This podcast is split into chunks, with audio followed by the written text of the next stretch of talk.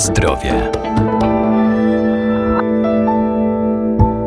Dietą jest nasz styl życia, nasze codzienne odżywianie. Powinna być ona odpowiednio zbilansowana i bogata w niezbędne składniki. Moda na zdrowy tryb życia spowodowała, że wiele osób zmienia swoje nawyki, wprowadzając różnego rodzaju modele żywieniowe. Dziś powiemy o dietach odtwarzającej oraz lekkostrawnej.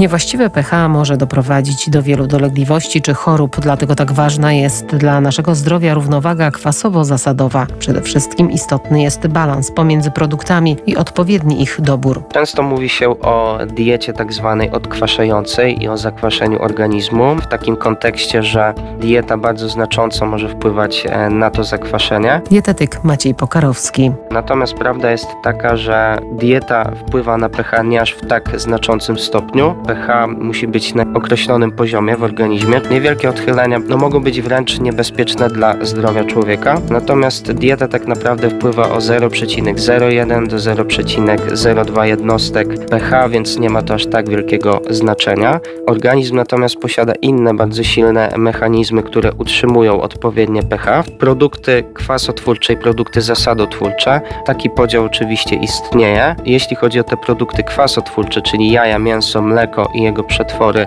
ryby czy produkty zbożowe. E, również jeśli będziemy zbyt dużo takich produktów mieć w naszym jadłospisie, to wówczas możemy mieć niedobory pod kątem witamin i minerałów. I wówczas wprowadzenie produktów tzw. Tak zasadotwórczych, czyli owoce i warzywa, pozwoli nam odpowiednio zbilansować e, codzienny sposób żywienia.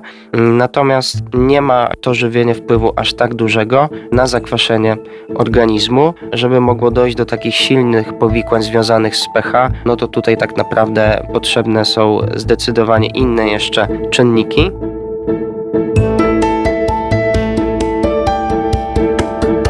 Zdrowie.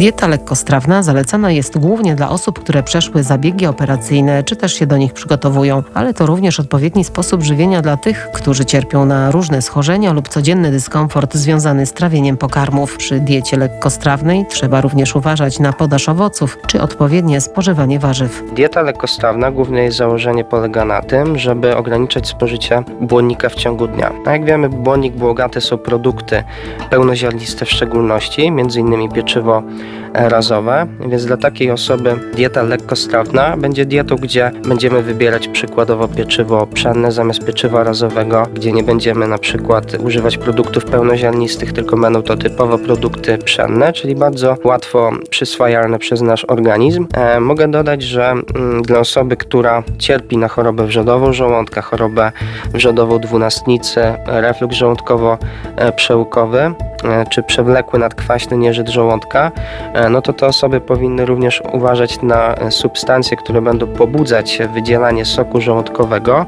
I tak naprawdę chodzi tutaj o ostre przyprawy, chodzi o takie produkty gotowane na cięższych wywarach e, mięsnych, takie wywary tak zwane esencjonalne, czyli takie tłustsze rosoły, produkty takie kwaskowate też można powiedzieć, prawda, czyli będzie to na przykład ogórek kwaszony, kwaszona kapusta również. Jeśli chodzi chodzi o warzywa, e, żeby były one łatwiej przyswajalne dla organizmu, to nie powinniśmy spożywać e, warzyw e, surowo, ale po prostu je wstępnie obgotowywać, prawda? To samo się tyczy również owoców. Czasami obgotowując delikatnie nawet owoce, one są wtedy łatwiej przyswajalne dla naszego organizmu. Należy uważać też na mocną kawę, na mocną herbatę, ponieważ również może to kończyć się z gagą.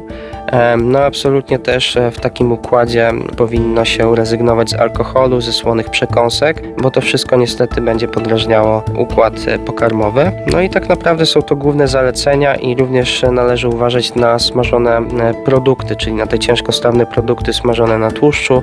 Rekomendowana obróbka jest oczywiście gotowanie czy też pieczenie, natomiast najlepszym rozwiązaniem będzie gotowanie. W przypadku pieczenia, żeby to były naprawdę niewielkie ilości tłuszczu.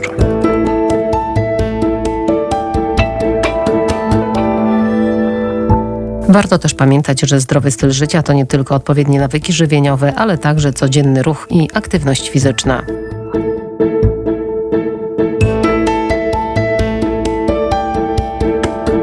Na zdrowie.